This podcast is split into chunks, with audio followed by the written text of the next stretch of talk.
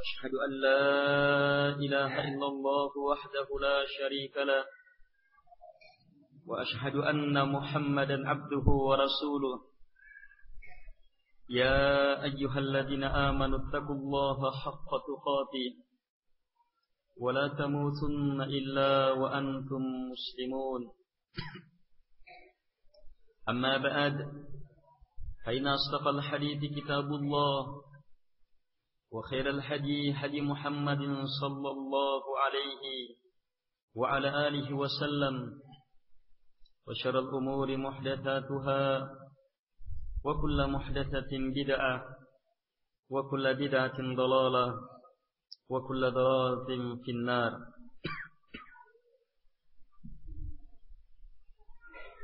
kaum muslimin dan muslimat, bapak-bapak, ibu-ibu, saudara-saudari yang dimuliakan oleh Allah Subhanahu wa taala. Kita sungguh bersyukur kepada Allah Subhanahu wa taala atas berbagai nikmat yang Allah Subhanahu wa taala limpahkan kepada kita. Terkhusus di saat ini Allah Subhanahu wa taala telah mempertemukan kita di rumah dari rumah-rumahnya dalam rangka mempelajari agama Allah Subhanahu wa taala untuk nasihat menasihati di jalannya kita mengharap semoga kehadiran kita di masjid ini adalah karena keterikatan hati kita terhadap masjid. Ingatlah satu dari tujuh golongan yang akan mendapatkan naungan khusus pada hari kiamat di saat tak ada naungan kecuali hanyalah naungan Allah Subhanahu wa taala adalah rajulun qalbuhu muta'alliqum bil masjid lelaki yang hatinya terikat dengan masjid semoga kehadiran kita merupakan wujud keterikatan hati kita dengan tempat terbaik di muka bumi ini masjid Allah Subhanahu wa taala kaum muslimin dan muslimat yang dimuliakan oleh Allah Subhanahu wa taala. Rasulullah sallallahu alaihi wa ala alihi wasallam telah menegaskan Kullu bani Adam khata wa khairul khata'in at-tawwabun. Semua anak cucu Adam pasti bersalah dan sebaik-baik yang bersalah adalah yang bertaubat.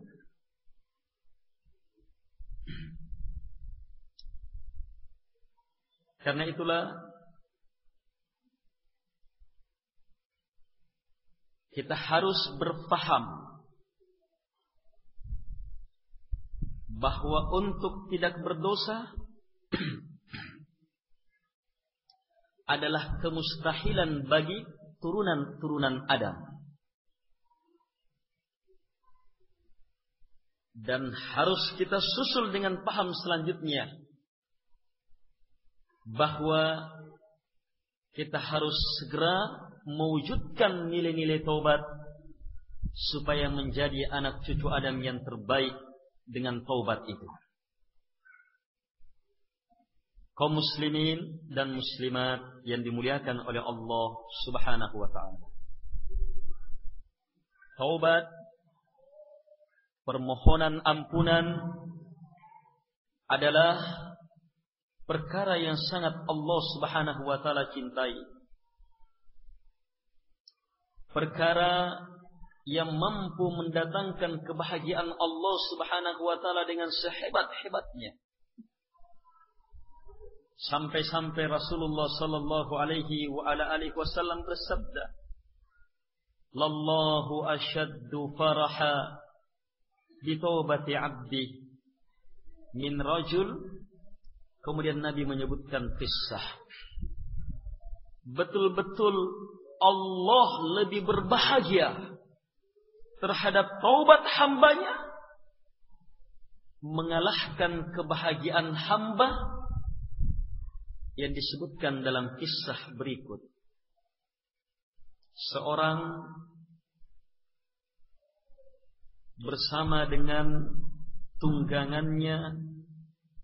Yang di atas tunggangan itu lengkap segala bekalnya melintasi sebuah padang pasir yang sangat luas. Yang kemudian tunggangan itu beserta bawaannya hilang lenyap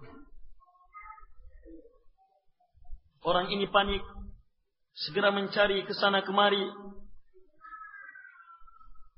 tetapi yang dijumpai hanyalah kekosongan. Tenaga pun telah habis. Kelaparan telah menyelimuti. Kehausan pun sangat terasa sudah. Akhirnya orang ini pasrah menanti kematian. Menunggu di sebuah pohon. Tiba-tiba tunggangannya muncul di hadapannya. Saking bahagianya, segera dia pegang kekang kuda itu atau tunggangan itu, seraya mengatakan, Ya Allah, engkau adalah hambaku, saya adalah Tuhanmu. Kalimat yang tidak akan mungkin terucap oleh orang yang masih menguasai pikirannya. Kebahagiaan yang teramat hebat sampai mampu menutup pikirannya. Terucaplah kalimat yang salah. Kata Nabi, kebahagiaan Allah akan kembalinya hambanya kepadanya lebih dahsyat dari kebahagiaan, dari kegembiraan hamba ini menjumpai tunggangannya itu. Tidakkah kita bersemangat untuk bertobat? Kaum muslimin dan muslimat yang dimuliakan oleh Allah Subhanahu wa taala. Taubat adalah kemuliaan yang sangat besar. Amalan yang teramat hebat. Yang membedakan Nabi Adam dengan iblis. Coba lihat jamaah. Di awal penciptaan Nabi Adam Nabi Adam bersalah. Sebelumnya iblis pun telah bersalah.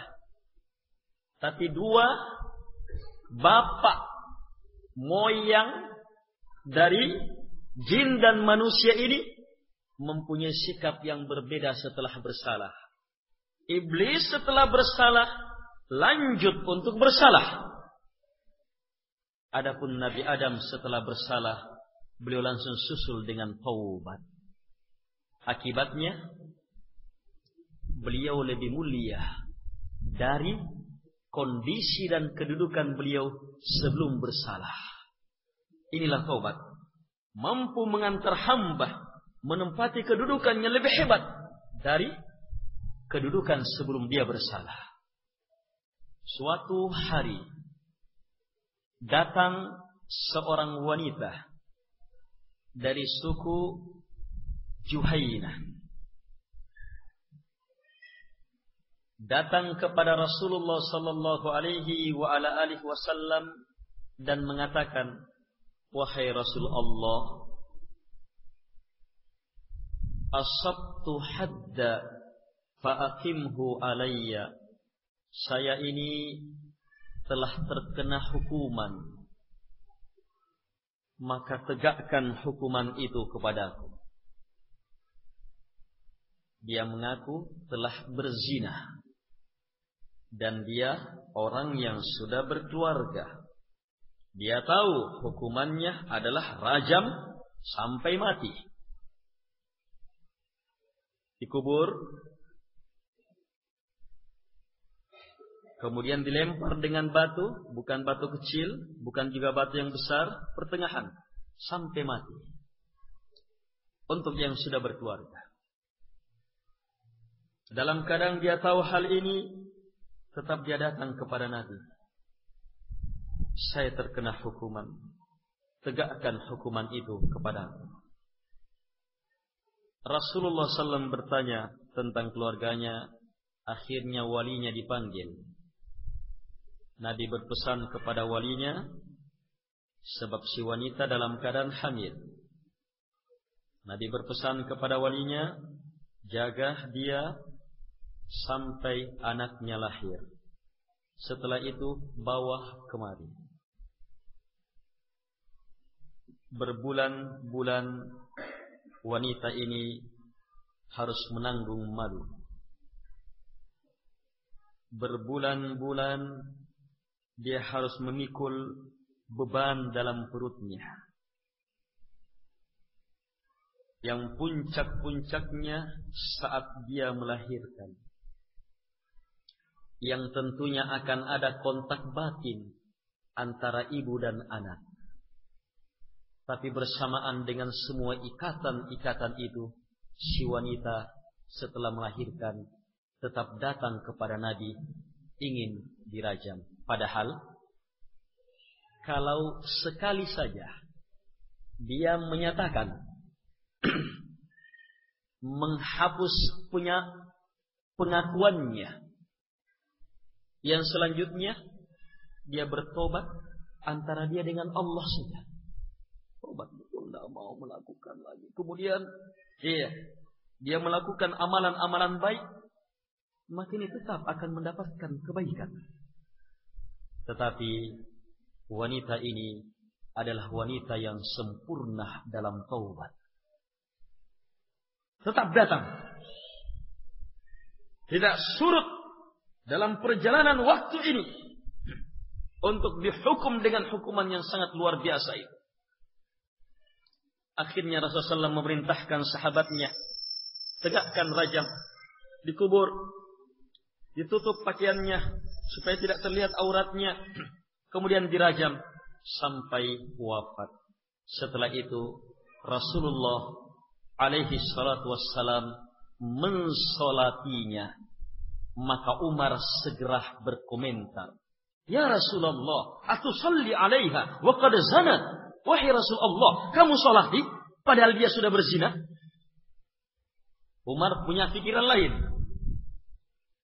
Mungkin pikiran Umar, engkau ya Rasulullah manusia mulia. Tidak pantas menyelati orang-orang hina seperti ini. Supaya jadi pelajaran orang-orang sebelumnya. Orang-orang se setelahnya. Supaya tidak mengulangi perbuatannya. Tetapi apa kata Nabi? Ya Umar, orang ini telah bertaubat dengan taubat yang seandainya dibagi dengan 70 penduduk Madinah. Penduduk Madinah, para sahabat. Dibagi dengan 70 penduduk Madinah, lawasi'adhum. Maka nilai taubatnya akan masih sangat luas. Wahai Umar, dia telah datang menyerahkan dirinya kepada Allah. Lihat jamaah, sebelum dia nyatakan taubatnya sampai ditegakkan hukuman, dia adalah manusia yang hina. Tapi setelah dia nyatakan taubatnya, ternyata mampu mengungguli luar biasa banyaknya orang-orang mulia penduduk Madinah. Lihatlah bagaimana taubat itu mengangkat hamba, mendudukkan hamba di tempat tertinggi. Kaum muslimin dan muslimat yang dimuliakan oleh Allah Subhanahu wa taala. Kita memiliki teladan yang tiada tandingannya Muhammad Rasulullah sallallahu alaihi wa ala alihi wasallam. Beliau telah mendapatkan keistimewaan khusus. Termaafkan semua kesalahan kekeliruan beliau yang telah sedang dan seterusnya telah dimaafkan. Tapi itu pun beliau mengatakan demi Allah sungguh saya bertaubat dan beristighfar kepada Allah dalam sehari lebih dari 70 kali. Kalau kita jujur meneladani beliau, mari kita kembali ke jalan Allah. Jujur dalam bertaubat, memohon pengampunan kepada Allah Subhanahu wa taala.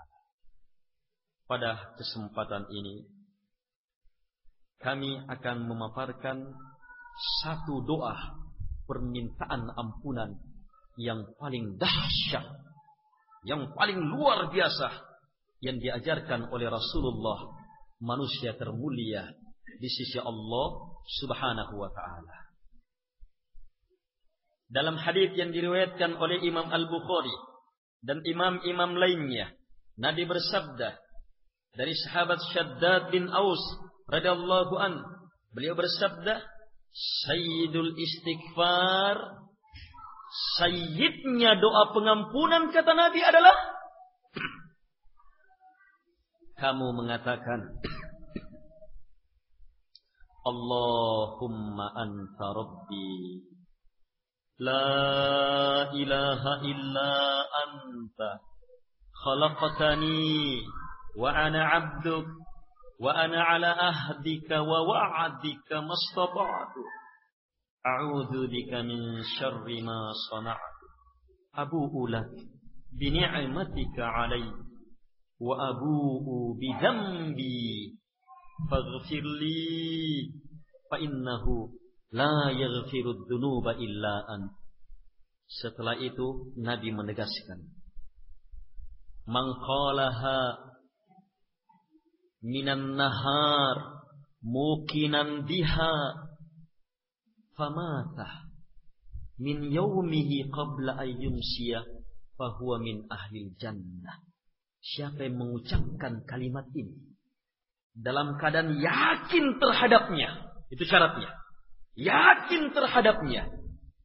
Kemudian meninggal di hari itu sebelum sore, maka pasti dia, pasti dia kata Nabi adalah penghuni surga. Wa man qalaha wa huwa muqinun biha minal lail famata qabla ayyusbiha fahuwa min ahlil jannah. Dan siapa yang mengucapkannya di waktu malam, sore, dan seterusnya, dia ucapkan di waktu itu. Dalam keadaan yakin terhadapnya. Kemudian meninggal, ditakdirkan meninggal sebelum pagi. Maka pasti dia termasuk penghuni surga. Coba lihat jamaah. Doa pengampunan yang sangat dahsyat. Kita baca di waktu pagi dan sore, maka kita mendapatkan jaminan 24 jam sebagai penghuni surga. Luar biasa syaratnya, yakin terhadapnya dan tidak akan mungkin ada keyakinan kalau kita tidak paham kandungannya. Kandungannya lah yang harus kita yakini. Makna demi maknanya yang harus kita tanamkan, benamkan, tancapkan, kokohkan di dalam hati kita. Mari kita urai sedikit kandungan makna demi makna dari kalimat luar biasa ini.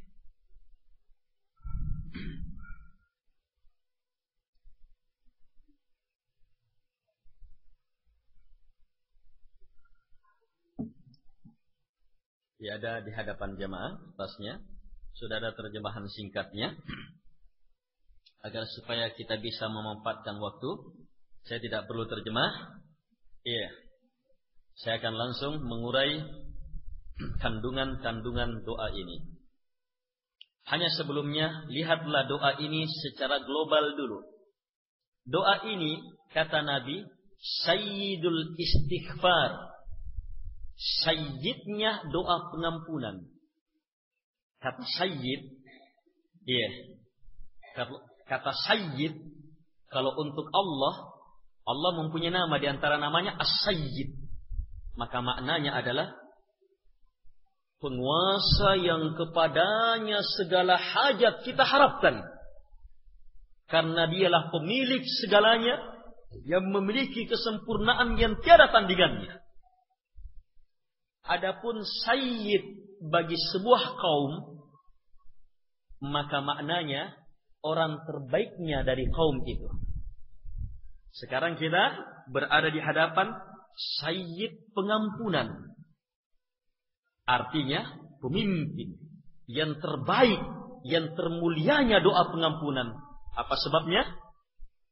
Karena karena di dalam kandungan doa ini terdapat makna demi makna, kedalaman demi kedalaman yang sudah mengungguli doa-doa pengampunan lainnya. Sehingga pantas dia menjadi sayyidnya. Dan langsung Nabi yang memberi predikat itu. Sayyidul istighfar.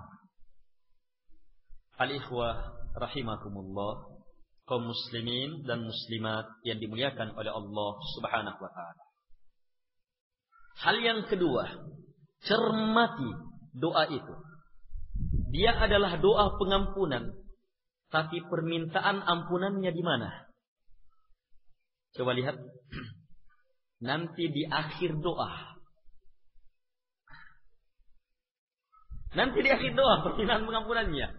Diawali dulu dengan Allahumma anta rabbi la ilaha illa ant khalaqtani wa ana abduk wa ana ala ahdik wa wa'dik mastata'tu a'udzu bika min syarri ma sana'tu kemudian disusul abu ulaka bi ni'matika alayya wa abu bidam baru faghfirli ampunilah saya.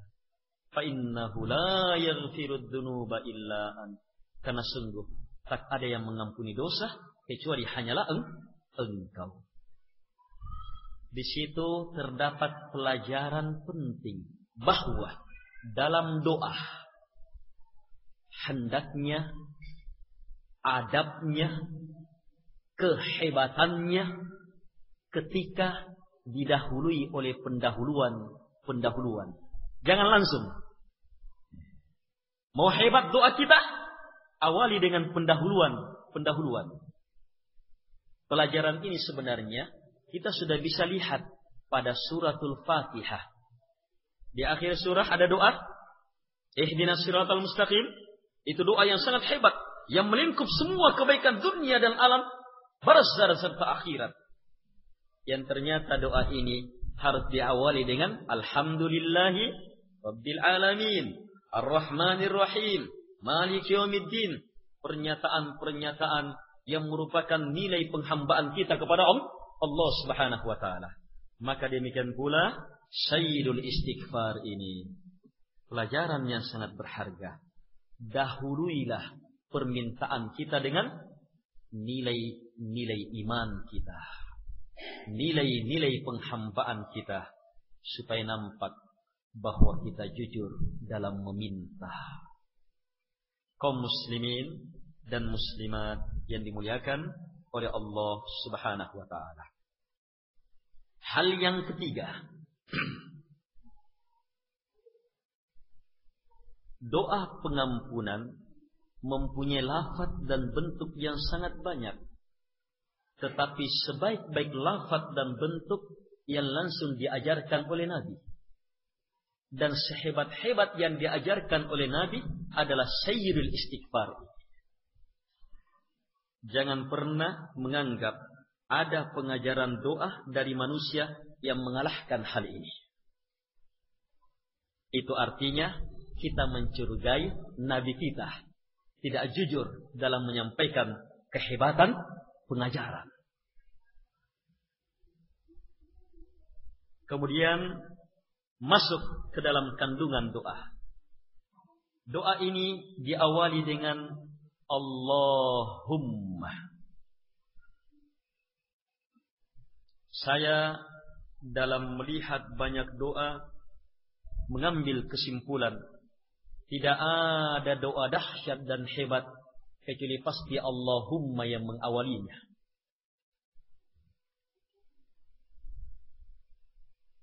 Ada doa yang diajarkan oleh Nabi. Siapa pun yang dalam kesulitan, susah, gundah gulana, Kalau dia baca doa itu, maka pasti akan dilenyapkan segala kesulitan, kesedihan, gundah gulanahnya dan diganti dengan kebahagiaan. Ternyata awalnya Allahumma inni abduk ibnu abdik ibnu amatik dan seterusnya. Doa tiga orang. Yang terkurung dalam gua pernah baca kisahnya tiga orang dulu dari Bani Israel melakukan perjalanan akhirnya bermalam di sebuah gua kemudian jatuh batu tepat di mulut gua. Mereka tidak bisa keluar. Apa yang menyelamatkan mereka? Kekuatan doa dan ternyata doa mereka diawali dengan Allahumma. Ini Allahumma ini. Ada hadis Nabi yang menjelaskan siapa yang meminta kepada Allah dengan Al-Ismul A'zam, nama Allah yang terdahsyat, yang terhebat, maka pasti diterima permintaannya. Dan Allahumma inilah Al-Ismul A'zam itu. Kaum muslimin dan muslimat yang dimuliakan oleh Allah Subhanahu wa taala.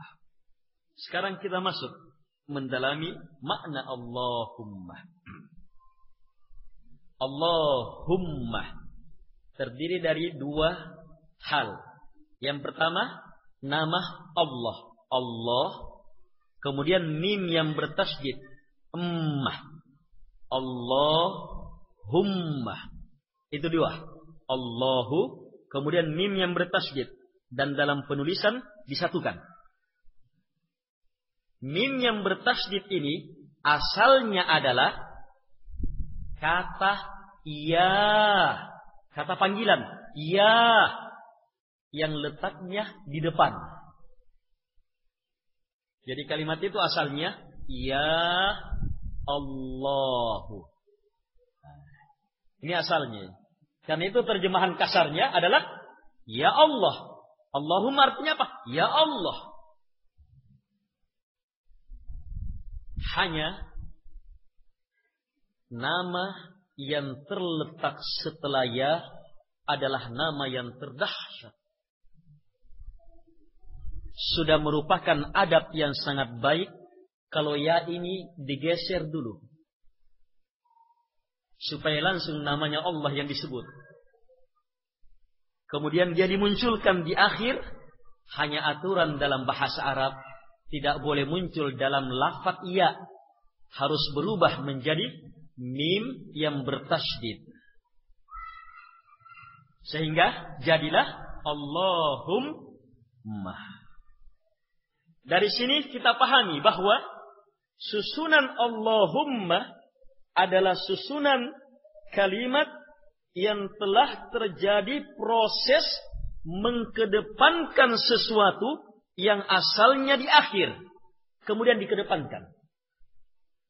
Bentuk susunan seperti ini melahirkan makna pengkhususan. Pengkhususan. Di dalamnya terkandung makna hanya-hanya mirip dan persis dengan iyaka na'budu. Iyaka objek. Dalam bahasa Arab, kata kerja dulu baru ob objeknya. Na'budu, kami beribadah kepada engkau. Tetapi Allah inginkan makna pengkhususan. Dikedepankanlah kepada engkau. Kepada engkau kami beribadah. Sehingga melahirkan makna pengkhususan. Karena itu terjemahan yang benarnya hanya kepada engkau kami beribadah, tidak kepada selain engkau. Dari sini maka akan jelas makna Allahumma.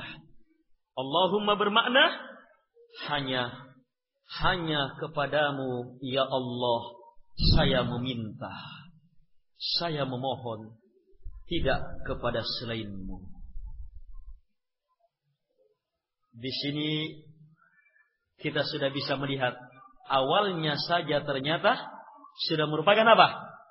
Pernyataan keikhlasan kita, tauhid kita kepada Allah Subhanahu wa taala bahwa Dia semata yang berhak untuk dimintai permohonan, dimintai ampunan, selainnya tidak siapa pun dia. Ini sikap yang merupakan kandungan dari la ilaha illallah yang merupakan kandungan dari inti suratul Fatihah. Iyyaka na'budu wa iyyaka nasta'in. Hanya kepadamu ya Allah kami beribadah. Dan hanya kepadamu ya Allah kami minta pertolongan. Tidak kepada selain kaum muslimin dan muslimat yang dimuliakan oleh Allah Subhanahu wa taala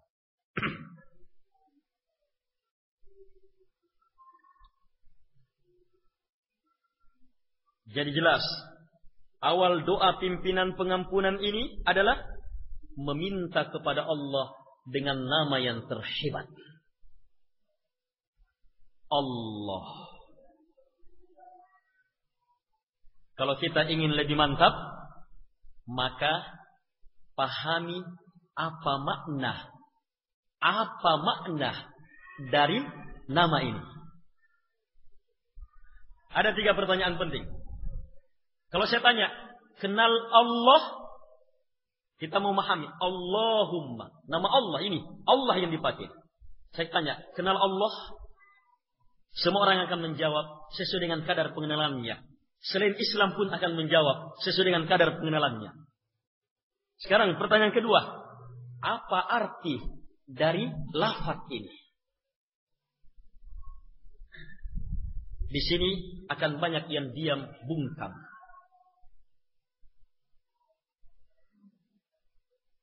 Kalau saya tanya, Allah berfirman, Ar-Rahman, al Quran, Ar-Rahman. Dialah yang mengajarkan Al-Quran. Kalau saya tanya, kenal Ar-Rahman? Kenal. Sekarang pertanyaan kedua. Apa makna Ar-Rahman? Kalau ini bisa kita jawab. Apa makna Rahman? Ini bisa kita jawab ini. Sering diterjemahkan. Yang maha merahmati. Yang maha mengasihi. Sekarang Allah apa maknanya? Ini rahasia. yang ini, ilmu yang ini, nilainya mengalahkan dunia beserta segala isinya.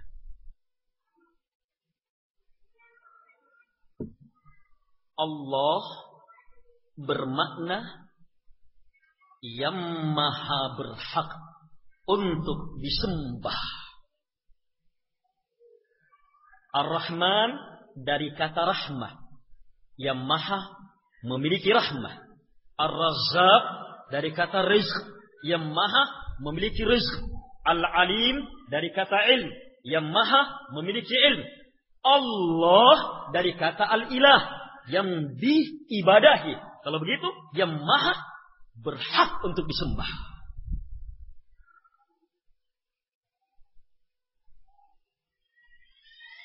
Dan sepanjang pengetahuan kita, adakah yang bernama Allah selain Allah? Tidak ada.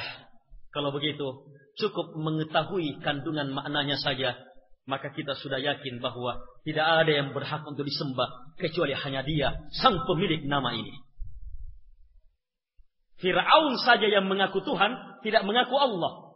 Fir'aun bilang, Anak Rabbukumul A'la. Kata Rob, Bukan kata Allah.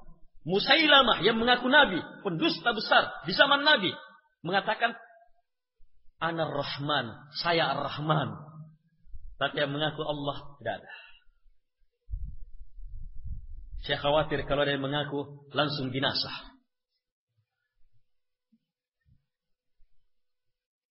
Nama ini memang tidak ada. Sekafir-kafir manusia. Tidak ada yang berani mendekatinya. Ini kedahsyatan nama ini. Kaum muslimin dan muslimat yang dimuliakan oleh Allah Subhanahu wa taala. Yang maha berhak untuk disembah, diserahkan padanya ibadah, penghambaan dan permohonan kita, lahiriah dan batiniah kita, hidup dan mati kita. Itulah Allah. Sekarang pertanyaan ketiga. Apa kedalaman makna dari nama ini? Sama kalau saya katakan Ar-Rahman yang maha merahmati. Apa kedalaman maknanya? Kalau dia maha merahmati, pasti maha kaya. Jelas? Tidak mungkin bisa maha merahmati kalau dia sendiri kekurangan. Pasti maha kaya. Pasti maha mengetahui. Makanya dia tahu siapa yang pantas dapat, siapa yang tidak. Iya. Pasti maha mampu. Karena itulah siapa pun yang dia inginkan dapat rahmat, tidak ada yang bisa halangi. Pasti dapat. Ini keharusannya. Memahami nama Allah dari kandungan keharusannya. Kedalaman maknanya. Sekarang, Allah. Apa kedalaman maknanya? Untuk pertanyaan ini, maka tidak ada yang bisa selesai dalam jawabannya. Ibnu Qayyim hanya menyimpulkan. Ibnu Qayyim rahimahullahu taala hanya menyimpulkan dia adalah nama yang kepadanya lah kembali seluruh kandungan makna dari semua nama dan sifat Allah yang kita ketahui ataupun yang tidak kita ketahui. Yang ada dalam Quran ada dalam kitab-kitab mana pun. Ada yang Allah turunkan di bumi atau yang masih Allah simpan di langit. Semuanya terlingkup masuk dalam kedahsyatan nama ini. Karena itu kita mengatakan Allah itu maha pengasih Maha pengampun, maha merahmati, maha merizki, maha mengilmui, maha mencipta, maha mendengar. Semua maha-maha yang dimiliki oleh Allah kembali ke mak kedalaman makna dari nama yang terdahsyat ini. Dari sinilah jamaah.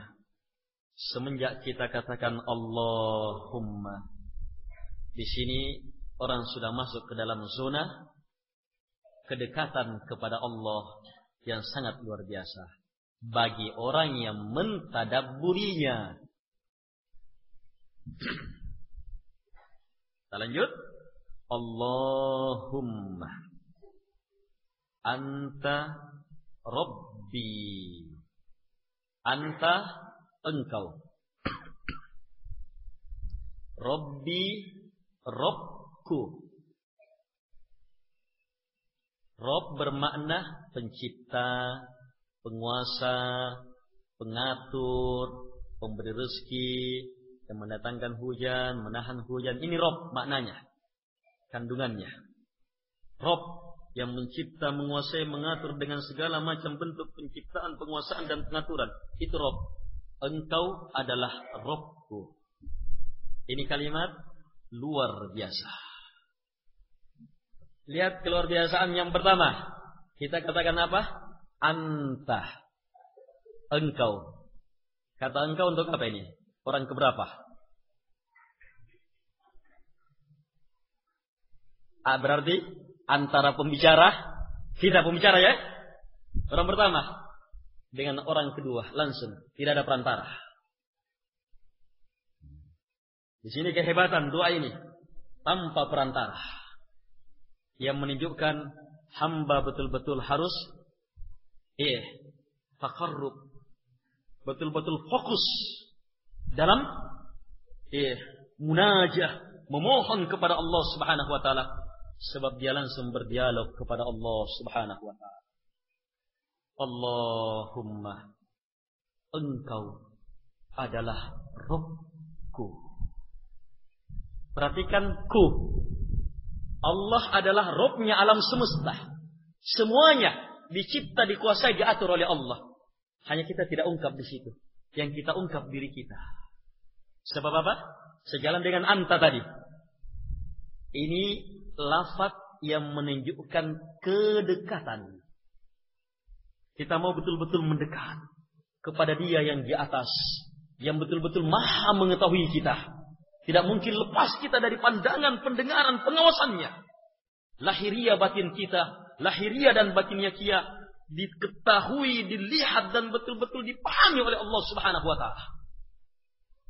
Anta Rabbi, engkau adalah Rabbku. Jelas?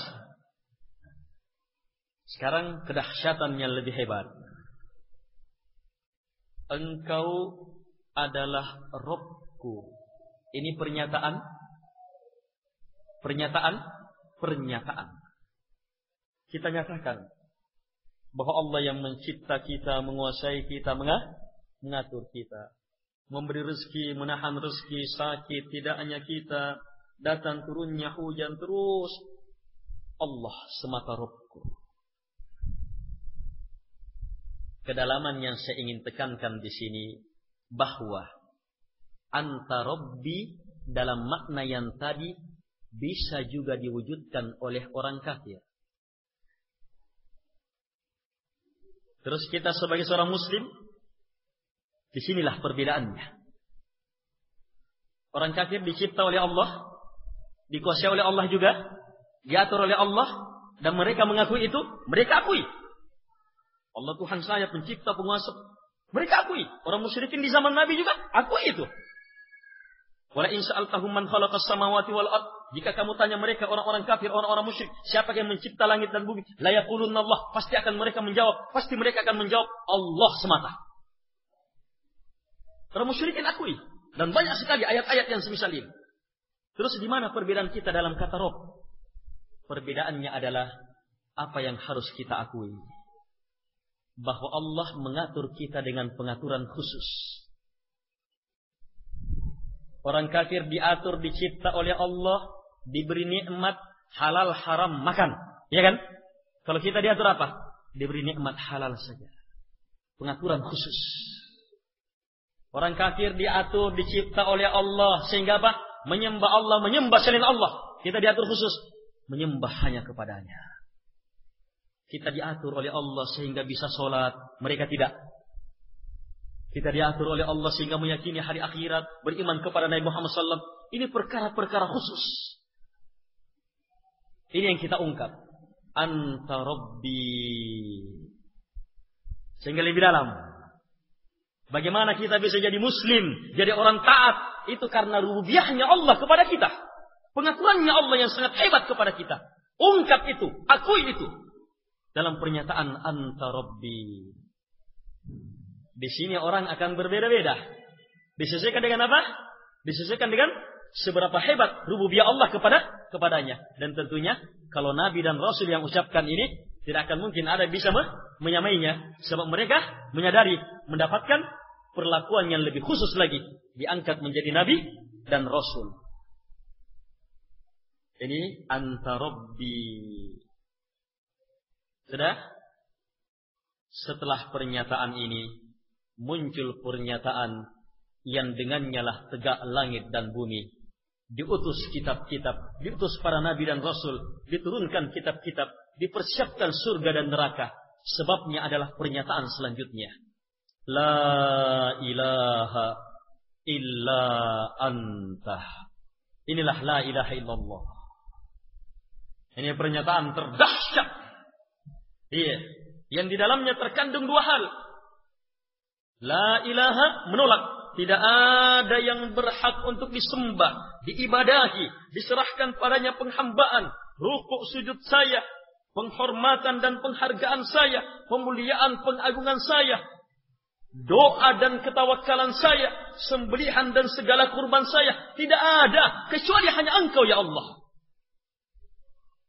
La ilaha, tidak ada yang berhak untuk disembah, dibesarkan, diagungkan, dimaksudkan padanya ibadah illa anta kecuali hanyalah engkau. Lihat masih engkau ya. Sebab ini suasana kedekatan. Kecuali hanya engkau. Kalau masuk di sini oh semakin dekat lagi. Inilah pernyataan keislaman. Di sinilah orang-orang musyrikin tidak mau mengucapkannya. Sebab orang musyrikin menyembah Allah tetapi selain Allah juga iya kalau kita La ilaha illa anta. Betul-betul. Tak ada yang berhak disembah. Dibesarkan, diagungkan. Dimintai doa. Diharapkan padanya pengampunan. Permohonan. Diserahkan padanya berdiri. Rukuk sujud kita. Kita maksudkan sedekah. Zakat, kurban kita. Segala ibadah. Tidak boleh kecuali hanya kepada Allah. Dalam pernyataan la ilaha illa anta. Harus kita wujudkan itu. Kemudian diusul dengan kalimat Khalaqatani wa ana abduk. Khalaqatani, engkau telah mencipta saya. Ini kalimat sudah ada dalam kandungan anta rabbi. Iya. Sebab di antara makna Rob apa? Mencipt, mencipta. Diulang lagi ini. Engkau telah mencipta saya. Kata penciptaan dikhususkan. Diunggulang ini. Ini diulang ini. Penciptaan. Supaya kita sadar. Iya, saya ada, saya terwujud saat ini. Allah semata yang cip, yang cipta. Barulah setelah itu disusul dengan wa ana abduka dan saya adalah abduka adalah hambamu. Ini kalimat yang paling berat. Ini kalimat yang paling berat. Ibnu Qayyim mengatakan semua pembahasan agama dari awal sampai akhir adalah wujud abdukah. Ini yang paling berat. Untuk memahaminya, cermati wa ana dan saya. Sebab dialog abdukah hamba engkau. Kata abduk itu sudah kata sifat sang pemilik ibadah. Orang yang menegakkan ibadah kepada engkau. Kalau la ilaha illa anta, baru pernyataan. Pernyataan. Saya siap menyerahkan ibadah hanya kepadamu. Kalau sudah jadi hamba, ah, baru benar ucapannya. Wa ana abduk. Kalau kita belum jadi hambanya Allah, kita belum sholat, kita belum menyembahnya kepada Allah, atau kita menyembah Allah, tapi masih menyembah selain Allah, kita mohon kepada Allah, masih mohon kepada selain Allah, kita berdoa kepada Allah, tapi masih berdoa kepada selain Allah, kita menyembeli berkurban untuk Allah, tapi masih menyembeli dan berkurban untuk selain Allah Subhanahu wa taala, maka masih dusta kita dalam kalimat wa ana ab wa ana abduk. Ingat syaratnya apa? Mukinan biha. Yakin seperti itu. Wa ana abduk dan saya adalah hambamu ya Allah. Kalau sudah masuk sini berarti apa? Dia mendekatkan diri kepada Allah dengan menjadari dia sudah beribadah kepada Allah. Setelah itu baru masuk kedahsyatan ibadah. Wa ana ala ahdika wa wa'adika mastata'tu. Dan saya ya Allah berada di atas janji dan perjanjianmu sesuai dengan kemampuanku. Maksudnya, kita jamaah itu sudah pernah diikat janji dan berjanji di hadapan Allah. Untuk apa? Untuk beribadah kepada Allah, untuk tunduk dan taat kepada Allah. Ada ayat di dalam ruh kita, Allah tanya, "Alastu bi rabbikum?" Bukankah saya Rob kalian yang berhak kalian sembah? Kita semuanya ketika itu mengatakan, "Qalu bala syahidina." Benar, benar ya Allah, kamu yang kami sembah, kami persaksikan. Iya, dan alhamdulillah Allah tuntun kita untuk menyatakan asyhadu an la ilaha illallah dan suratul Fatihah. Iyyaka na'budu wa iyyaka nasta'in. Kata Nabi, kapan hamba baca ini, Allah akan jawab dengan firman-Nya, "Hada baini wa baina abdi." Inilah antara saya dengan hamba. Antara kita dengan Allah ada pada ayat ini. Pernyataan penghambaan. Jadi kalimat wa ana ala ahdika wa wa'adika. Kalimat pengakuan bahwa kita berada di atas janji, telah berjanji di hadapan Allah, telah mengikat perjanjian di hadapan Allah. Untuk apa? Beriman, taat, beribadah kepada Allah. Semua itu kita laksanakan. Mastafa'atu sesuai dengan kemampuanku. Ini kalimat. Sesuai dengan kemampuan. Kalimat ini jamaah, kalimat rahmat. Coba seandainya tidak ada kalimat ini, maka biar kita sakit harus datang ke masjid. Iya. Coba seandainya tidak ada kalimat ini, sesuai dengan kemampuanku. La yukallifullahu nafsan illa usaha. Ini kalimat rahmat. Kita tidak dibebani kecuali hanya dengan kemampu kemampuan. Tidak bisa berdiri. Kalau bisa duduk, duduk. Tidak bisa duduk, berbaring saja, berbaring saja. Yang jelas jangan tidak sholat. Harus sholat sesuai dengan kemampu kemampuan. Hanya ada yang lalai dalam memahami hal ini. Kalimat mastata'tu sebenarnya adalah kalimat pengerahan segenap kemampuan. Selama masih ada kemampuan, berarti kita masih siap. Sebab itu yang kita nyatakan. Selama saya masih punya kemampuan, saya akan wujudkan. Berarti ini kalimat sebenarnya kalimat kesiapan untuk beribadah totalitas. Kalau sudah tidak mampu baru la yukallifullahu nafsan illa wus'aha. Ada orang eh tidak datang sholat ke masjid. Kenapa? Ya Alhamdulillah saya sudah sholat lima waktu. di rumah. Kalau di masjid saya belum mampu. Ya kemampuan saya kan masih di rumah dan Allah kan bilang la yukallifullahu nafsan illa wus'aha. Allah tidak bebani jiwa kecuali hanya dengan kemampuanmu. Kita katakan salah. Kemampuan saudara lebih. Kemampuan saudara bisa datang ke masjid. Saudara tidak datang ke masjid bukan karena tidak mampu, tapi karena tidak mau atau belum mau. Coba mau, coba ingin, pasti datang. Buktinya kalau ke kantor, kalau ke kantor justru melewati masjid bahkan. Berarti kemampuannya lebih. Sadari betul ini. Kalimat mau dapatkan pengampunan hebat, nyatakan ini. Saya siap ya Allah di atas janji dan perjanjianmu untuk mewujudkan ibadah sesuai dengan kemampuan. Kita diberi kemampuan melihat, mendengar, memahami. Kita diberi kemampuan lahiriah, batiniyah. Kita diberi kemampuan harta, kedudukan, jabatan. Manfaatkan seluruhnya dalam rangka meraih kemuliaan tertinggi di sisi Allah. Ingatlah nikmat yang Allah titipkan kepada kita, titipkan kepada kita adalah milik Allah, bukan milik kita. Allah beri untuk Allah tambah. Allah beri untuk Allah tambah. Ini hakikat nikmat. Makanya Allah mengatakan, La in syakartum, la azidannakum. Jika kalian bersyukur, maka pasti saya tambah. Berarti, nikmat itu diberi untuk Allah tambah. Lihatlah kenyataan hidup kita. Kita dulu di mana? Kita dulu tidak pernah ada. Kemudian Allah adakan. Di alam rahim, kita ada. Dari mana jalur rezeki? Allah sudah persiapkan satu jalur rezeki. Tali plasen, tali plasenta ibu. Begitu Allah tutup ini. Lahir kita. Diputus ini. Sudah dipersiapkan dua. Dua jalur rezeki yang tiada tandingannya. Melalui susu ibu. Air susu ibu. Ya. Dua jalur rezeki. Setelah ditutup yang satu ini. Langsung berubah menjadi dua. Setelah dua ini ditutup. Pada usia dua tahun. Masa menyusui dalam Al-Quran hanya dua tahun. Iya. Setelah itu ditutup. Tidak boleh lagi menyusui. Maka apa? Allah sudah mempersiapkan empat jalur rezeki yang tidak bisa dinilai dan dihitung. Yaitu apa? Dua dari tumbuhan, dua dari hewan. Dari tumbuhan apa? Makanan dan air.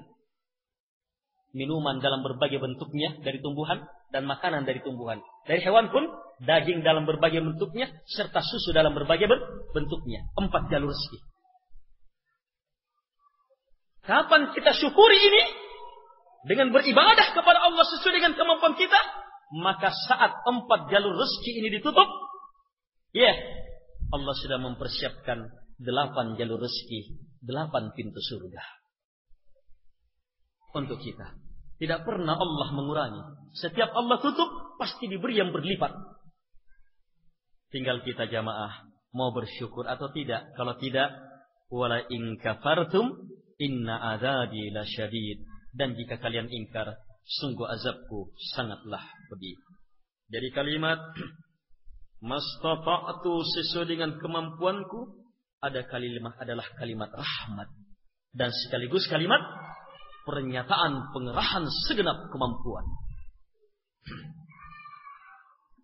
Kaum muslimin dan muslimat yang dimuliakan oleh Allah Subhanahu wa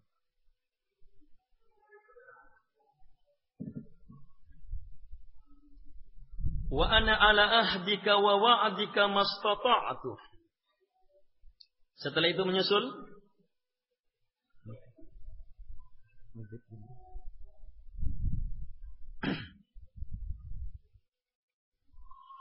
Iya, mungkin kita tutup. Tinggal sedikit. Iya, maghrib isya selesai ini. Tinggal kalimat a'udzu bika min syarri ma sana'tu. Ini kalimat minta perlindungan. Kemudian kalimat yang paling dahsyat. Ini kalimat yang paling dahsyat dalam doa ini. Luar biasa. Iya, tidak ada tandingannya. Di sinilah hakikat ma'rifatullah dan ma'rifatun nafsi. Abu ulaka bini'matika alayya wa abu bidambi. Kita akan urai sebentar. Kemudian setelah itu Nanti setelah dua kalimat dahsyat ini barulah masuk faghfirli permintaan pengampunan. Insyaallah taala setelah salat maghrib kita lanjutkan. Sekian subhanakallahumma hamdik asyhadu an la ilaha illa anta astaghfiruka Wassalamualaikum warahmatullahi wabarakatuh.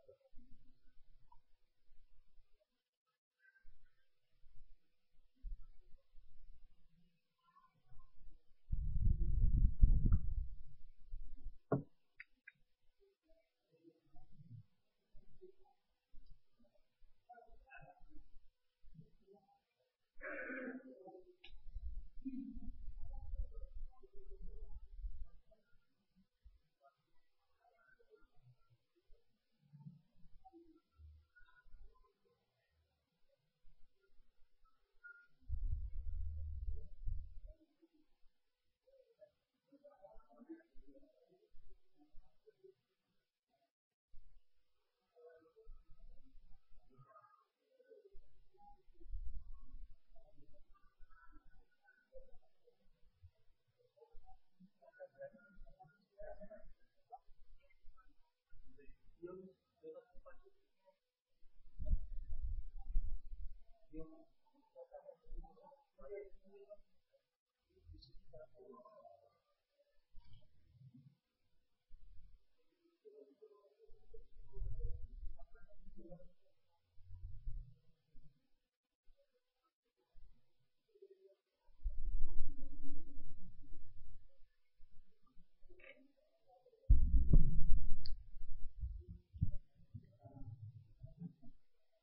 Untuk para hadirin ikhwan dimohon untuk mempersiapkan tempat e, mengambil air wudhu untuk persiapan sholat maghrib.